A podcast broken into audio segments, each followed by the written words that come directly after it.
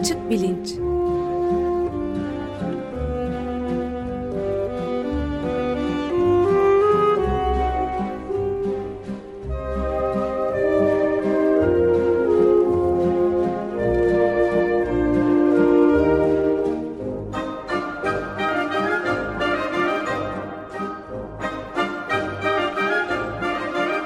Güven Güzeldere ile bilim ve felsefe sohbetleri. Günaydın Güven Bey, merhabalar. Günaydın Ömer Bey. Evet, bugün Can yine toplantıdan toplantıya koşturuyor. Biz varız ama bir de konuğumuz var. İsterseniz konuğumuzu siz e, takdim ederseniz. Tabii konuğumuz e, psikiyatri doktor İlker Küçükparlak. İlker Bey hoş geldiniz, merhaba. Hoş bulduk davet için çok Hoş teşekkürler, geldiniz. sağ olun. E, İlker Küçükparlak daha önce de konuğumuz olmuştu ve hatırlayanlar olacaktır. Psikoloji ile psikiyatri arasındaki farklardan bahsetmiştik. Bugün e, zor ve hassas bir konuyu ele alacağız. Konumuz intihar.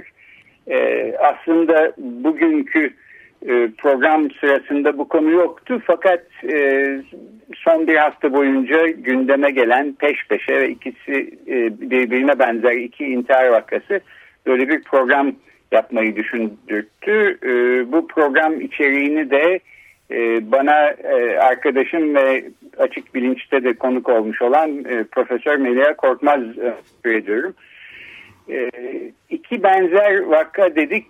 Fatih'te dört kardeşin birlikte yaşayan e, siyanür içerek intihar etmelerinin haberini okuduk önce. Hemen arkasından birkaç gün içinde yine dört kişilik bir aile, ikisi küçük çocuk e, Antalya'da siyanür içerek ölmüşler. Arkalarında babaları bir mektup bırakmış. Ee, yani özellikle o dünya tatlısı çocukların fotoğraflarını görüp e, insanın içinin burkulmamasına imkan ihtimal yok. E, medyada bu konuya e, büyük ilgi gösterdi. Öte yandan Türkiye Psikiyatri Derneği e, bu tür intihar vakalarının medyada çok yer bulmasının başka e, benzer intihar vakalarını tetikleyebileceği konusunda bir ikazda bulundu e, Werther etkisi denen bir etki var. Ondan da birazdan bahsedeceğiz. Genel olarak e, bu konuyu e, psikiyatri açısından ele almanın doğru olabileceğini düşündük. E, İlker Küçükparlak e, İhtisas Tramvayı e, başlıklı blogunda e, çeşitli yazılar yazıyor. Ben Açık Bilinc'in Twitter sayfasından paylaştım. Oradan görülebilir. İntihar üstüne de aslında bir yazısı var. Ona da programın sonuna doğru değinmek istiyorum. Ee, İlker Bey ben sözü size bırakayım. Böyle bir intihar vakasını siz bir psikiyatri olarak duyduğunuzda e, ilk ne düşünüyorsunuz? Ve son haftada e, işte önümüze gelen birbirine benzer bu iki intihar vakası hakkında e, her e, kez bir şeyler söylüyor ama bir, bir uzman görüşü anlamında e, sizin görüşünüzü e, alabilir miyiz?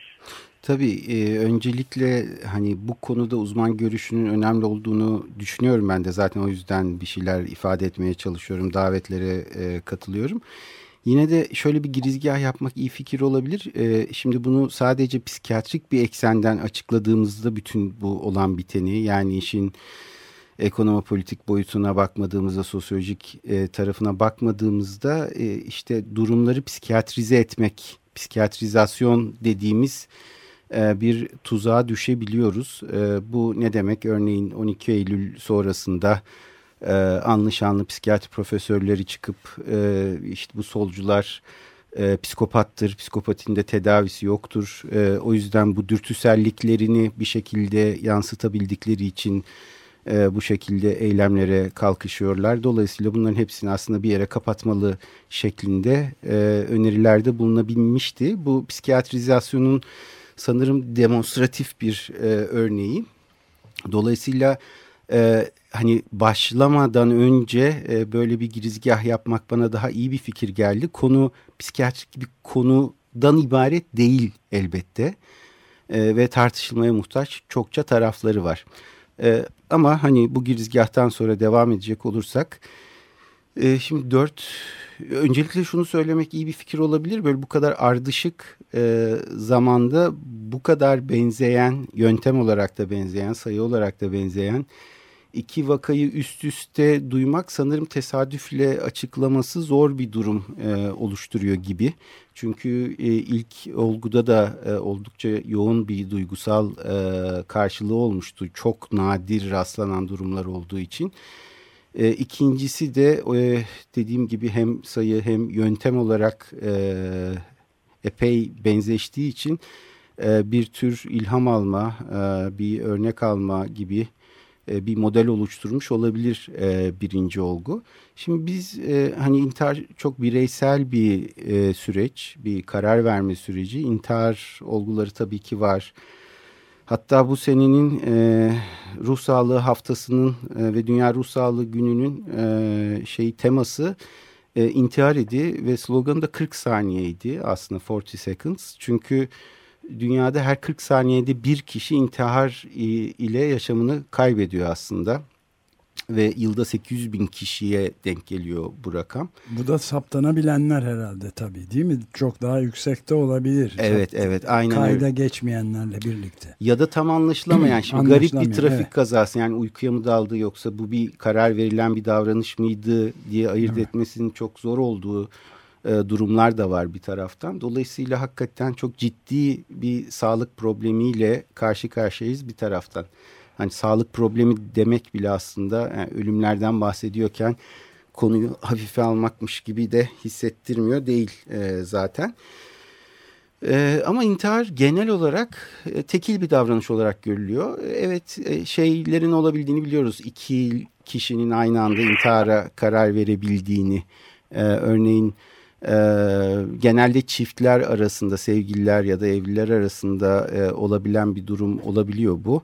E, yani bilinen belki işte Hitler'in intiharı bu şekilde e, sayılabilir. Ama ondan daha fazla rakamlara çıktığımız zaman 3, 4 ve daha fazlasına çıktığımız zaman bunları başka bir yerden e, e, açıklama e, daha mümkün gibi görünüyor. Yani bu sayılar e, anca ya e, bir takım e, böyle kült organizasyonlar, tarikat var yapılanmalar ve işte o yapının içindeki e, dünyanın e, ve geleceğin açıklanma biçimi bir takım kehanetler içerisinden e, olabiliyor. Ee, bazen şöyle olabiliyor, e, paylaşılmış psikoz dediğimiz durumlar vardır. Ee, bir ailede ya da kapalı bir sistem içerisinde ki e, ileri derecede baskın e, bir birey e, genelde ebeveynlerden biridir bu. E, psikotik e, bir rahatsızlık yaşıyordur. E, diğerleri aslında biyolojik olarak e, psikoz olarak tanımlanmasa bile e, o kapalı yapının içinde e, bu baskın olan bireyin hezeyanlarına ikna olurlar bir süre sonra ve o hezeyanlar eğer persekütif dediğimiz zarar görecekleri e, eziyet edilecekleri ve bunun kaçınılmaz olduğu yönünde bir yere gelirse e, böyle durumlarda da e, olma olasılığı var. Ama bu vakalar için hani özellikle ikinci vaka için kesinlikle e, bundan bahsedebiliriz. Aslında farklı bir kavrama e, başvurmak daha iyi bir fikir gibi. E, bu kavram da literatürde murder suicide ya da extended suicide olarak e, tartışılıyor. Yani intihar cinayet ya da genişletilmiş intihar e, diyebiliriz bunlara. Bu e, vakalarda e, bir kişi intihar etmeye karar verir e, ve kendisiyle birlikte yaşayan diğerlerinin de ölümüne karar verir.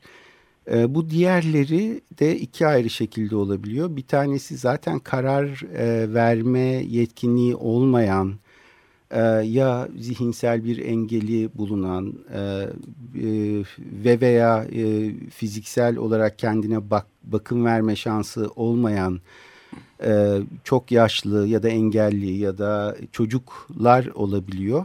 E, intihar etmeye karar veren kişi bakımını üstlendiği kişilerin hayatta kalmalarının onlara bir kötülük olacağı çünkü hayatlarını idame ettiremeyeceklerini e, buna kanaat getirdi ise e, onların da e, ölümünü e, gerçek öldürüyor Türkçesi e, ve sonrasında kendisi intihar ediyor.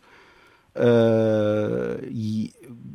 bunun dışında e, bu hayatını tabii idame ettiremeyecekleri varsayımının dışında bir şeye daha dikkat etmek lazım. E, o da şu bu e, genişletilmiş intihar olguları e, aslında daha çok erkekler tarafından e, uygulanıyor. Burada bir de şöyle bir olasılık var. Özellikle bu erkeğin sevgilisi ya da eşi e, kendi vefatından sonra hayatına devam edemeyeceği endişesi değil de bilakis devam edeceği endişesi olduğu zaman da e, başka biriyle birlikte olma olasılığına kendi ölümünden sonra da eşinin ya da sevgilisinin başka biriyle birlikte olma olasılığına tahammül edemediği için de e, o kişinin rızası dışında o kişiyi öldürüyor ve kendisi de intihar edebiliyor. Şimdi ikinci olguda zaten iki tane çocuktan bahsediyoruz. Yani onların iradi biçimde bir e, intihara karar vermiş olmaları, yani bir karar beyan etseler bile bunun e,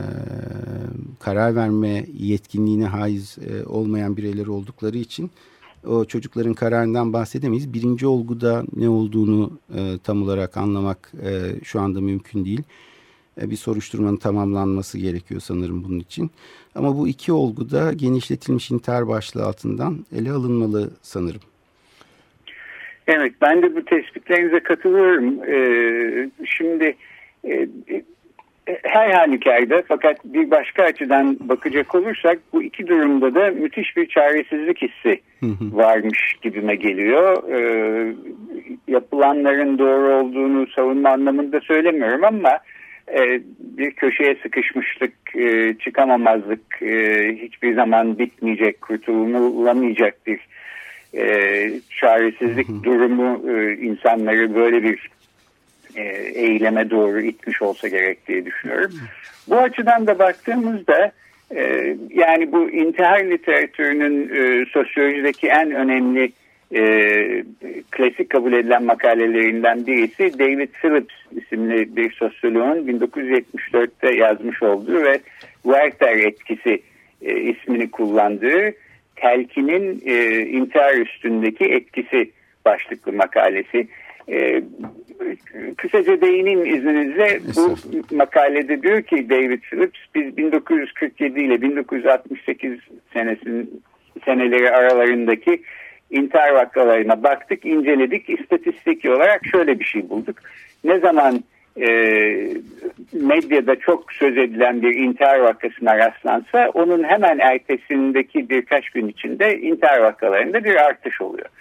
E, bu aslında tartışılmayan bir veri ve buradan e, işte bu Werther etkisi dediği yani Goethe'nin romanındaki e, sevgilisi tarafından terk edilen ve sonra intihar edilen genç erkek e, e, Werther'in hikayesi yayınlandıktan kısa bir süre sonra intihar vakaları artmaya başlıyor genç erkekler arasında. Dolayısıyla ona Werther etkisi adını vermiş David Phillips filan.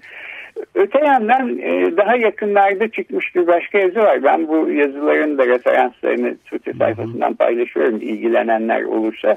2015 e, senesinde Columbia Üniversitesi'ndeki e, iki öğretim üyesi Sociological Science dergisinde bir yazı yazmışlar ve diyorlar ki işe yalnızca bir tür e, taklit açısından bakmak e, aslında doğru değil. Çünkü burada daha genel bir e, anomi durumu var. E, Ömer Bey'in çok e, söz ettiği bir e, kavram. Durkheim'in ortaya attığı e, sosyal e, normların e, çözülmesi e, belirten bir e, durum. E, bununla açıklamamız lazım e, diyorlar. Sizin e, ilk başta yaptığınız yani intiharları yalnızca psikiyatrize etmek doğru değil tespiti de bununla uyumlu bir şey herhalde. E, yalnızca bir takım e, ruhi sorunları vardı dolayısıyla intihar ettiler e, kaldıralım bir kenara koyalım demek yerine bu intiharlara götüren çaresizliğin aslında e, sosyal ve belki iktisadi duruma ayna tutan e, göstergeler olarak e, ele alınması bana da daha doğru olurmuş e, gibi geliyor. E, ben de izninizle bir ufak ilavede bulunayım. Madem Dürkheim'den bahsettik gene. Yani elimde de şu anda var kitap. Özer Ozankaya çevirisiyle Cem Yayın Evi'nden çıkan Emil Dürkheim'in intihar kitabı meşhur. O üçüncü tip yani bireycil e, ve elcil intihar türlerinin dışında bencil intihar ve elcil intiharın dışında bir de kuralsızlık daha doğrusu anomik intihar diye sözünü etti. Yani e, özellikle de diyor e, birey davranışlarında uyulacak ölçülerin bulunmamasından ileri geliyor üçüncü intihar türü. Yani özellikle de kör piyasa ekonomisi içinde yoğunlaşmış olan bir intihar türü bireylerin davranışlarını düzenleyecek kural ve ölçülerin bulunmaması karşısında Durkheim'in deyişiyle bireyin ufkunun ya da aşı, ya aşırı genişlemesinin ya da aşırı biçimde daralmasının sonucu olmaktadır diye de bazı yorumları var. Ee, evet yani aslında e, daha e, geniş bir perspektiften ele alırsak aslında intihar davranışı insan zihninin evriminde bir yan ürün olarak ortaya çıkan bir durum olarak da tanımlanıyor. Aslında insan kendisini zaman içinde temsil edebilme yeteneğine sahip bir zihne sahip. Yani şu anda şunu düşünüyorum ve böyle hissediyorum ve dün de bunu düşünüyordum ve öyle hissediyordum ve yarın da e, böyle düşünüyor ve şöyle hissediyor olabilirim gibi e, kendi sadece fiziksel durumunu değil yani hem zihni üzerine zihin yürütme metakognisyon dediğimiz e, bir özelliğe üst biliş e, dediğimiz bir özelliğe sahip hem de bunu zaman içinde farklı zamanlarda e, temsil edebilme e, yeteneğine de sahip ve bu yetenek e, elbette bu temsil yeteneği insanın e, kültürel bir sıçrama yapmasına yani kültür edinimine e, ve bildiğimiz anlamda tırnak içinde medeniyet diyebileceğimiz ne varsa aslında bir taraftan oluşmasına yardımcı olmuş olsa da ee, bu e, çaresizlik e, durumunda bu tür bir çıktısı da olabiliyor. Yani kişi yaşadığı sorunlarla baş edemediğini gördüğü zaman ve baş etmesi de ileride olanaksızmış gibi de göründüğü zaman yani ilerideki zihnine dair de bir temsil ürettiği zaman o zaman o artık o çaresizliğin acısının sonlanması e, arzusuyla ihtiyacıyla intihar yönünde bir e, karar verebiliyor. Şimdi bu kararı e, vermesinin zeminini oluşturacak çok farklı e, unsurlar var. Elbette bireysel psikoloji bir tanesi, sosyoloji diğeri, iktisat bir öteki ve e, hepsinin ayrı ayrı ele alınması gerektiğini düşünüyorum ben de. E, anomi önemli bir unsur çünkü sosyal destek e, sistemlerinin zayıfladığı durumlarda e, intihar ve çaresizlik durumlarının arttığını biliyoruz. Dolayısıyla bir kere her şeyden önce modern e, insan e, ve yaşadığı anomi hali e, aslında e, intihar davranışı dahil olmak üzere e, pek çok e, sıkıntıya zemin oluşturan e, bir e, ortam yaratabiliyor. E, ama sadece anomi de değil örneğin e, ekonomik krizlerin de intihar e, davranışı ve intihar sonucu ölümlerle ilgili çok ciddi risk oluşturduğunu da biliyoruz. Bu da iyi dokümente edilmiş e, verilerden bir tanesi aslında. Evet yani şey de zaten Emil Durkheim'da ekonomik bunalımların intihar eğilimi üzerinde ağırlaştırıcı bir etkide bulunduğu bilinmektedir deyip pek çok ta 19. yüzyılın 3. çeyreğinde ki pek çok analiz yapıyor. istatistiksel analiz veriyor yani Viyana'dan vesaire. Tabii burada hani... Evet öte yandan durum böyleyken ben e, medyamızda e, aslında hiç de böyle olmadığını olmadığına bizleri ikna etmeye çalışan pek çok e, yazı görüyorum. E, Sabah gazetesinin bir köşe yazarı örneğin bu olan bitenleri tırnak içinde söylüyorum bir duyar kampanyası olarak nitelemiş. İnsan böyle şeyleri okuyunca ne e, kampanyası yani pardon? Bir, duyar. Duyar kampanyası ne demek? Duyar, duyar kampanyası olarak. Bu e, duyarlılığın daha devole edilmiş bir kullanımı Aa. gibi entelektüele entel demek gibi. Cehaletimi mazur görün. Evet yani benim bundan e, aslında çıkarttığım e, herhalde bir insanın e, ne kadar alçalıp ne kadar acıklı bir duruma düşebileceğini e, tahayyüllerimizden de öte e, bir yerlere götürme anlamında işte bize bir takım göstergeler e, sunmaya çalışıyor olsa gerek bu beyefendiler. E, ben inanmakta güçlük çekiyorum doğrusu. E, İlker Bey size başka bir soru sorayım. E, intihar eden insanların e, peşinden onların yakınları niçin e, sorusundan çok uzun süre kurtulamıyorlar. Hı hı. E, bu benim de başıma geldi. E, bir, birkaç sene önce bir e, dersimdeki çok başarılı bir öğrenci sömestrin orta yerinde e, hiç kimsenin de öngöremediği, tahmin edemediği, aklımızdan bile geçmeyen bir şekilde intihar etti. Ee, çok başarılı bir öğrenciydi. Annesi babası e, Kore'den göçmen gelmiş ve e, işte canlarını dişlerine takarak çalışıp çocuklarını e, işte Harvard Üniversitesi'ne göndermiş ve bundan çok gurur duyan bir anne babaydı. E, bu anne baba e, bu niçin e, sorusuna takılı kaldı. Bana da sürekli sordukları buydu. Bu nasıl olabilir, niçin olabilir? E, diye. E, fakat benim amatörce anlayışım belki bunun için sorusunun e, çok insanları tatmin edecek bir cevabının da her zaman olmadı. Yani intihar eden kişi bir şekilde hayata geri dönse ve ona sorabilseniz peki niçin yaptın bunu diye belki e, sizi rahata erdirecek, e, ruhunuzu barıştıracak bir cevap o da vermeyecek. Çünkü belki öyle bir cevap da yok ortada. E, bu konuda ne dersiniz? Şimdi ben şunu şuna inanıyorum yani doğada bir şey oluyorsa bir nedeni vardır. Ee, ama genelde şöyle oluyor bir nedeni değil pek çok nedeni oluyor. Daha önemli daha baskın olan e, nedenler ve daha az önemli olan nedenler diye. Tek bir nedeni e, sadece bir etkeni olan e, bir durumdan bahsetmek çok zor. Hele de insan davranışı gibi çok karmaşık e, bir yere geldiğimizde iyice zor. Ama bir takım nedenleri ya da daha önde gelen nedenleri vardır ve insanların e, aslında hakikaten bu nedenleri bilmeye ihtiyacı var. Şundan ötürü var.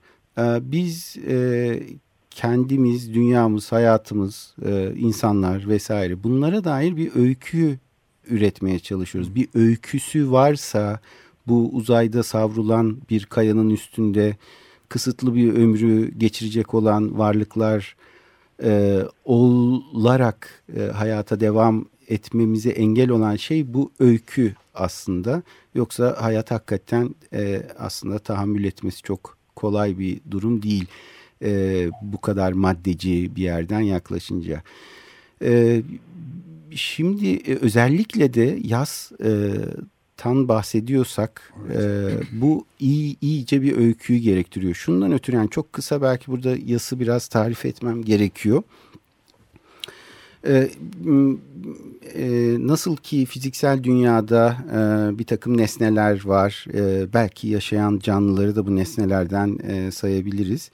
E, insanın kendi zihninde de bu nesnelerin nesne tasarımları var. Ben e, ne bileyim evim deyince kafamda canlanan bir şey var.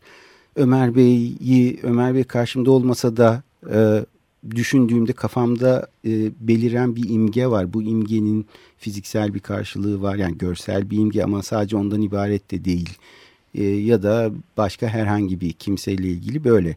Şimdi bu zihindeki nesneler e, aslında e, böyle şey gibi e, kuklalar gibi cansız e, ve etkisiz değiller. E, kişi örneğin bir eylemde bulunduğunda şöyle diyebiliyor. Ya dedem görse çok kızardı ya da babam görse gurur duyardı ve hakikaten o kızgınlığa karşı bir mahcubiyet ya da o gurur karşısındaki memnuniyet gibi hislere de kapılabiliyor. Çünkü zihindeki nesneler görüyor ediyor bir taraftan da.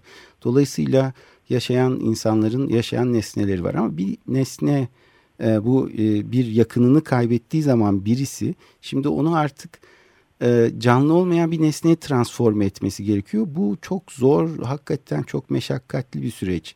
Şuradan çok rahat görürüz bunu. Örneğin henüz e, yaz tutmaya başlayamadığındaki kişi o daha şok e, aşamasındayken e, bu bazen bu arada yıllarca sürebilir onu da söyleyeyim. E, kapı çaldığı zaman o kişi mi geldi diye düşünür ve sonradan o kişinin öldüğünü hatırlar. Aslında çok yakın birisidir ve bu hani hatırlanmaya ihtiyaç duyulan bir bilgi olmamalıdır.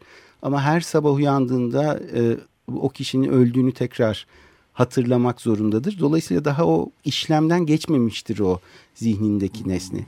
Şimdi bu işlemin olabilmesi için öyküye ihtiyacımız var. Nasıl oldu, niye oldu? Bunların çok önemi aslında e, somut anlamda öneminin olmasa bile yani bir kızı çok sevdi ve o yüzden oldu ya da e, işte şu konuya kafası takıldı, şu dersinden düşük not aldı ve o yüzden oldu. Sonuç olarak bu kişi öldü ve bir şey değiştirmiyor olabilir hele de ailesi tarafından. Ama yine de bir öykü olduğu zaman e, bu yaz tutabiliyor insanlar. O yüzden öyküye ihtiyaç var. Şimdi bu yası tutamadan yani bu yasın e, bu arada tamamlanması dediğimiz şey yasın tamamlanması kaybedilen kişiyi unutmak gitmek demek de değil bu arada. Aksine hatırlayabiliyor olmak. E, hatta hatırlamayı arzu ediyor olmak demek. Çünkü yaz tamamlanmadığı zaman o kaybedilen kişinin fotoğrafına bakmak, ondan bahsetmek hepsi acı verici olduğu için bir tür kaçınma tepkisi de olabiliyor. E, ve e, kişi e, bu e, yası e, tamamlama yas yası tutarken tamamlamaya çalışırken bir muhasebe yapmak zorunda kalıyor. Yani aslında bu cenazelerdeki helalleşme bunun çok özet hali gibi. Ritüel, evet. evet yani ritüeller de burada çok koruyucu onu da söylemek lazım. E, ve bu muhasebede ben ne yaptım, o ne yaptı, e, neyi yanlış yaptım, neyi doğru yaptım, ne için minnettarım, ne için e, bütün o o zamana kadar bir tür veresiye defteri gibi artılar eksiler içinde çok da e, üzerine düşünülmeyen bir haldeyken e, onun muhasebesini dökmek ihtiyacı hissediyor ve bu işlem neredeyse kaçınılmaz olarak bir tür suçluluk duygusu uyandırıyor. Yani kişi eğer o ölüme hazırlamışsa kendini e, diyelim kronik bir süreç sonucu vefat etmişse başka olabilir ama ani bir ölümde suçluluk neredeyse kaçınılmaz diyebilirim. Şöyle oluyor mesela e, işte son gün keşke arasaydım e, diyebilir. E, aramış olsa keşke daha uzun konuşsaydım diyebilir. Daha uzun konuşmuş olsa keşke yanına gitseydim telefonla konuşmasaydım diyebilir. Buraya kadar gelebilir o muhasebeyi yaparken.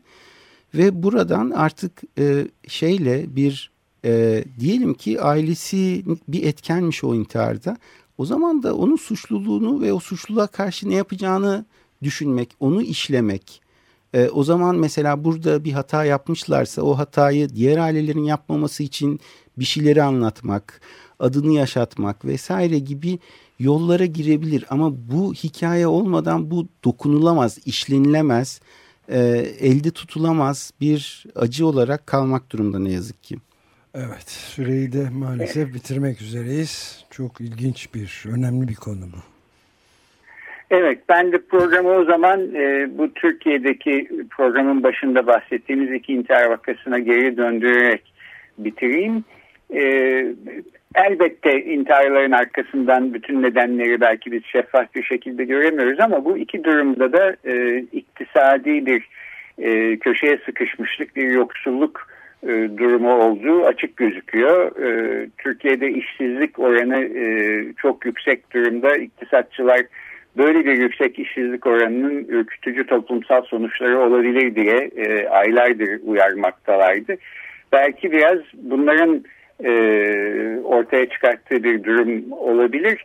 İlker Bey siz de yazdığınız bir yazıda bu 2015 yılında e, kendisi intihar eden bir e, German Wings isimli bir firmanın e, uçak firmasının e, pilotundan bahsetmiştiniz. Pilot kendisi ölürken e, uçaktaki herkesi de e, öldürmüş olmuştu. Ama bu yazının sonunda diyorsunuz ki bu facianın yaşattığı dehşet için psikiyatriden mi medet ummamız lazım yoksa sendikal etkinlikten mi?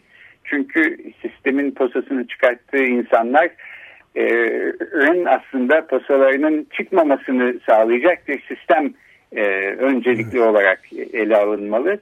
E, ben de buna katılıyorum. Bu Türkiye'deki intihar vakalarında da çok benzer bir durum olduğunu düşünüyorum. Her ne kadar e, işte yandaş medya dediğimiz medya e, öyle değil deyip durumu kişisel bir e, şekilde açıklamaya çalışsa da Ee, Ömer Bey, İlker Bey son bir söyleyeceğiniz varsa ben sözü size bırakayım. Benim söyleyeceklerim bu kadar bu hafta. Evet yani benim de öyle. Çok teşekkür ederiz. E, ben çok kısa şeyi bir çağrıda e, bulunabilirim belki. E, o da şu yani çok yoğun duygular oluşturdu bu intiharlar ve bu yüzden konuşuyoruz zaten.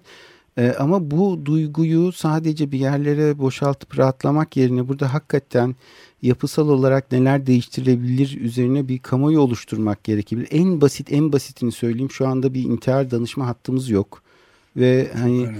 bu nasıl kurulur? Ee, yani çok da pahalı bir şeyden de bahsetmiyoruz üstelik ama burada spesifik hani e, bu konuyla ilgili eğitim almış, ayrıca uzmanlaşmış bir ekibin e, bulunması gerekiyor. Dünyanın her yerinde var e, neredeyse e, ama Türkiye gibi bir ülkede e, bulunmuyor. Bu bir başlangıç olabilir ama bunun haricinde sosyal haklar, e, işsizlik maaşı, e, sosyal destekler bunların lütuf gibi bunların e, bir tür hayır e, işlermiş gibi değil e, rutin bir uygulama sonucu edinebiliyor olması insanların minnet yükü hissetmeden e, bunlara sahip olabileceğini bilmesi gibi aslında yapılacak çok iş var. Bu duygu yoğunluğunu bu tür yapısal çözümleri üretmeye kullanırsak aslında iyi bir şeyle çıkmış olabiliriz bütün bu durumdan. Çok teşekkürler İlker Bey. Gayet önemli ee, bir konu. Bugün konuğumuz psikiyatr doktor İlker Küçükparlak'tı. İntihar vakaları üzerine konuştuk. Çok teşekkür ediyoruz yeniden katıldığınız için. Haftaya görüşmek üzere. Görüşmek üzere. Hoşçakalın.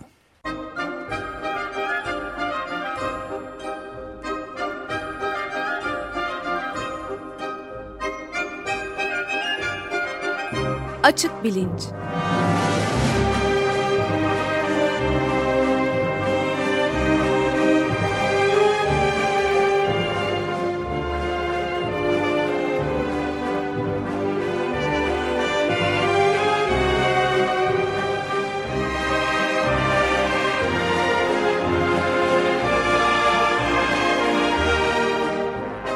Güven Güzeldere ile bilim ve felsefe sohbetleri.